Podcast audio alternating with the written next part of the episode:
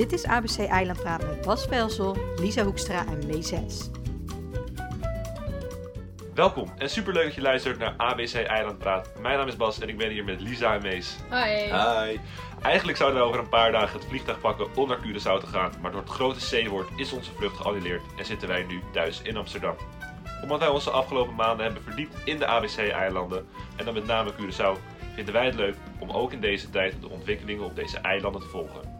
Dit is dus de ideale plek om op de hoogte te blijven van al het nieuws van Aruba, Bonaire en Curaçao.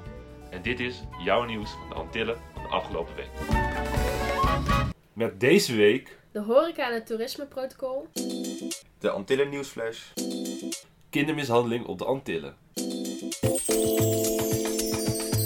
In Nederland is maandag 1 juni de horeca weer opengegaan na 2,5 maand gesloten te zijn geweest.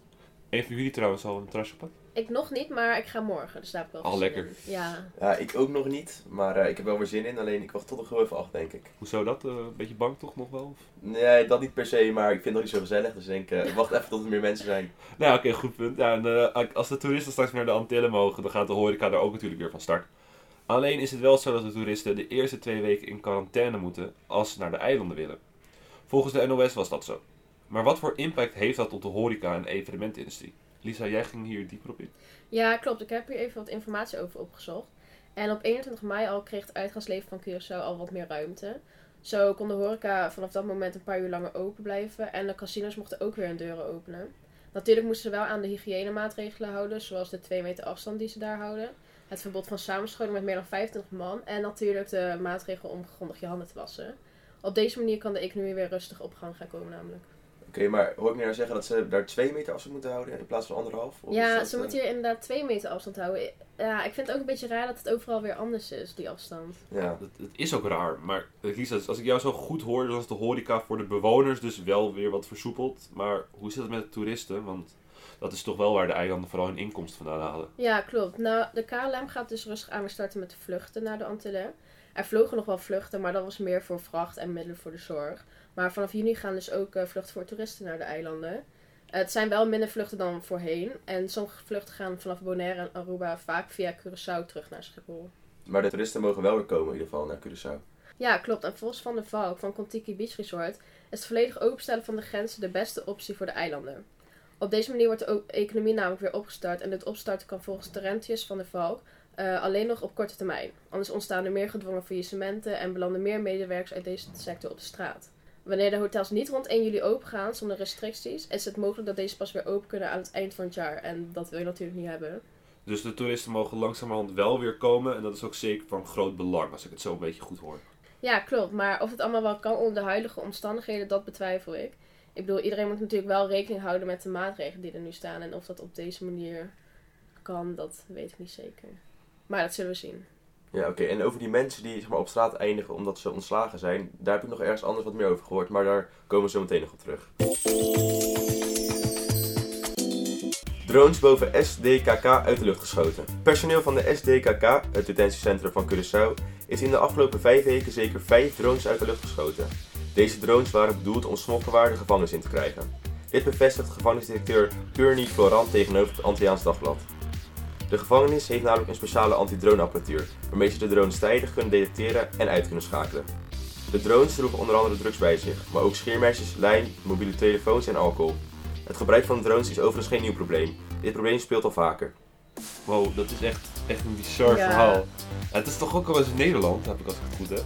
Ja, volgens mij wel. Maar ja, dit zie je natuurlijk ook weer allemaal series eh voorbij Ja, het, is echt, het klinkt echt iets als een serie. Ja. Massaontslag bij Santa Barbara Resort. Dit resort is met 350 kamers een van Curaçao's grootste en meest prestigieuze hotel. Een ware trekpleister voor toerisme op Curaçao. Toch heeft dit resort per 1 juni de deuren gesloten. Voor het personeel is er verlof tot massaontslag aangevraagd. Het gaat om 256 werknemers. De contracten met de oproepkrachten werden al eerder beëindigd. De sluiting is gekomen vanwege de coronacrisis en is een grote klap voor toerisme. Ook de impact op een gemeenschap is enorm. Wow, dat is best erg. Er zijn heel veel mensen die op straat komen. Ehm, ik weet al dat het eiland natuurlijk al wel heel veel last had van armoede en toerisme, maar dat het nog zo, dat het zo'n klap kan zijn op zo'n groot resort. Ja, en het is natuurlijk ook gewoon een kwestie van- tijd voordat die andere resorts gaan omvallen. Ik bedoel, Curaçao zit voorlopig nog wel op slot, denk ik. Maar dan moet er nu wel echt iets gebeuren, anders ligt heel het eiland straks. Dat moet je echt niet hebben. Dat wil je niet. juni vinden er wederom repatriëringsvluchten plaats vanuit Nederland naar Curaçao. Door het coronavirus zijn Curaçaonaars in Nederland en andere landen gestrand. Het vliegverkeer is beperkt en Curaçao heeft een inreisverbod. Daardoor kunnen ze niet zomaar terugkeren. De regering van Curaçao heeft besloten dat gestrande mensen op 6 juni vanaf Schiphol naar huis mogen vliegen. Je moet dan wel ingeschreven staan bij, in de basisadministratie van de Curaçaose burgerlijke stand en beschikken over een vliegticket. Eenmaal op Curaçao aangekomen moeten reizigers verplicht 14 dagen in quarantaine, op een door de overheid aangewezen locatie. De kosten hiervoor worden overigens wel betaald door de regering. Oh, dat is best positief nieuws. Maar dat die mensen hier dus gewoon nog steeds zitten. Dat is al een hele lange tijd sinds het corona begon. Ja, klopt. Zeker fijn, maar wij zouden rond deze tijd natuurlijk ook naar Curaçao zijn vertrokken. Helaas kan dat niet doorgaan, maar als we wel uh, moesten, moesten we daar 14 dagen in quarantaine. En daar hadden we niet echt zin in of zo. Nee, daar heb je helemaal niks aan. Nee. Nee. Dan gaat je vakantie in dat Ja. geval. En dan, toch even iets serieuzers. Tijdens de coronacrisis is iedereen natuurlijk veel meer thuis. Waardoor voor sommige mensen een uitkomst is om meer tijd met het gezin door te maken, is het voor anderen een ware hel. Uit onderzoek blijkt dat tijdens de coronacrisis meer sprake is geweest van huiselijk geweld. En op de Antillen is het helaas ook het geval. Uit de situatieanalyse over kinderen en jongeren in Caribisch Nederland van de UNICEF komen deze zaken helaas naar voren. Maar hoe kan het dat kindermishandeling op de Antillen blijft toenemen? Is dat alleen door de coronacrisis nu of speelt hier meer achter? Nee, dit heeft onder andere te maken met de meldingsbereidheid. Een geïnterviewde uit de Antillen vertelde het volgende daarover aan de UNICEF. Als je de politie belt omdat je weet dat een buurkind wordt misbruikt, denken mensen dat je je met zaken moeit die jou niet aangaan. Wat er in jouw huis gebeurt, gaat alleen jou aan. Maar er zijn toch wel mensen die dat niet uitmaakt en toch gewoon wel die wel- melding maken. Ja, er zijn vast mensen die het inderdaad niets uitmaakt. Maar alleen aangifte doen op de Antillen is best een ding. Een geïnterviewde uit Saba had er dit over te zeggen.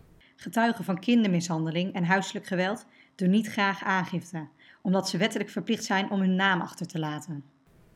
Maar weten de mensen wel dat dit gebeurt? Ja, helaas wel. Een geïnterviewde uit Sint Eustatius kon dat goed uitleggen. Mensen op het eiland die weten dat kinderen worden misbruikt, zijn bang dit te melden, omdat iedereen weet wie het heeft gemeld en de gemeenschap klein en meedogenloos is. Dus de mensen worden geleid door angst en de kinderen lijden daaronder? Helaas wel. Het is echt vreselijk. Niet alleen de meldingsbereidheid maakt kindermishandeling lastiger om aan te pakken. De lijfstraffen om de kinderen te disciplineren ook. Wat, lijfstraffen? Ja, door middel van fysieke pijn het gedrag van de kinderen te laten veranderen. Is dat nu nog steeds een ding? Ik vind dat heel erg klinken als iets van vroeger. Ja, het is ook door de oudere gemeenschap meer geaccepteerd. De jongere ouders lijken dat anders te zien. Een jonge moeder uit Saba gaf dit voorbeeld. Terwijl ik met mijn driejarige in de winkel praatte om hem te wijzen op zijn ongewenst gedrag, stopte een oudere vrouw om me te vertellen: Je moet hem een pak voor zijn billen geven. Ik voelde me onder druk gezegd om te doen wat ze zei, maar herinnerde me wat ik in de klas had geleerd en weigerde.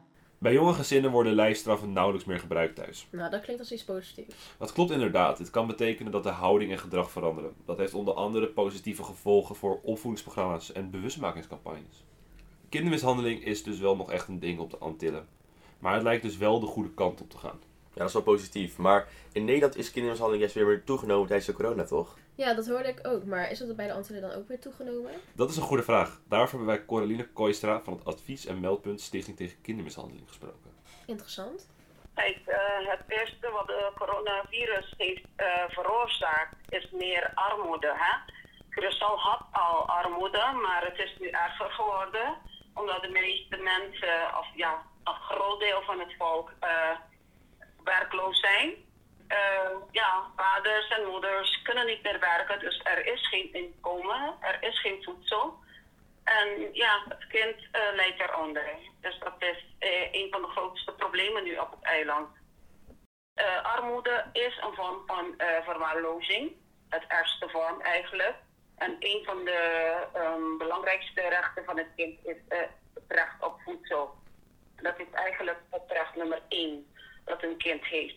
Dus dat, eh, dat is zo, eh, zo eh, makkelijk te zien aan een kind die aan armoede lijdt. Eh, persoonlijk geloof ik dat wij.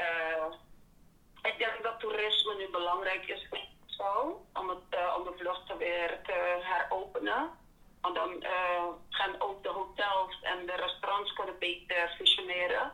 Mensen gaan terug naar het werk. Ze hebben weer inkomen. Kinderen krijgen weer te eten en zo gaat het verder. Dit was ABC Eiland Praat voor deze week. Houd onze socials in de gaten voor extra content via Insulare Media op Instagram. Thanks voor het luisteren en je hoort ons weer volgende week.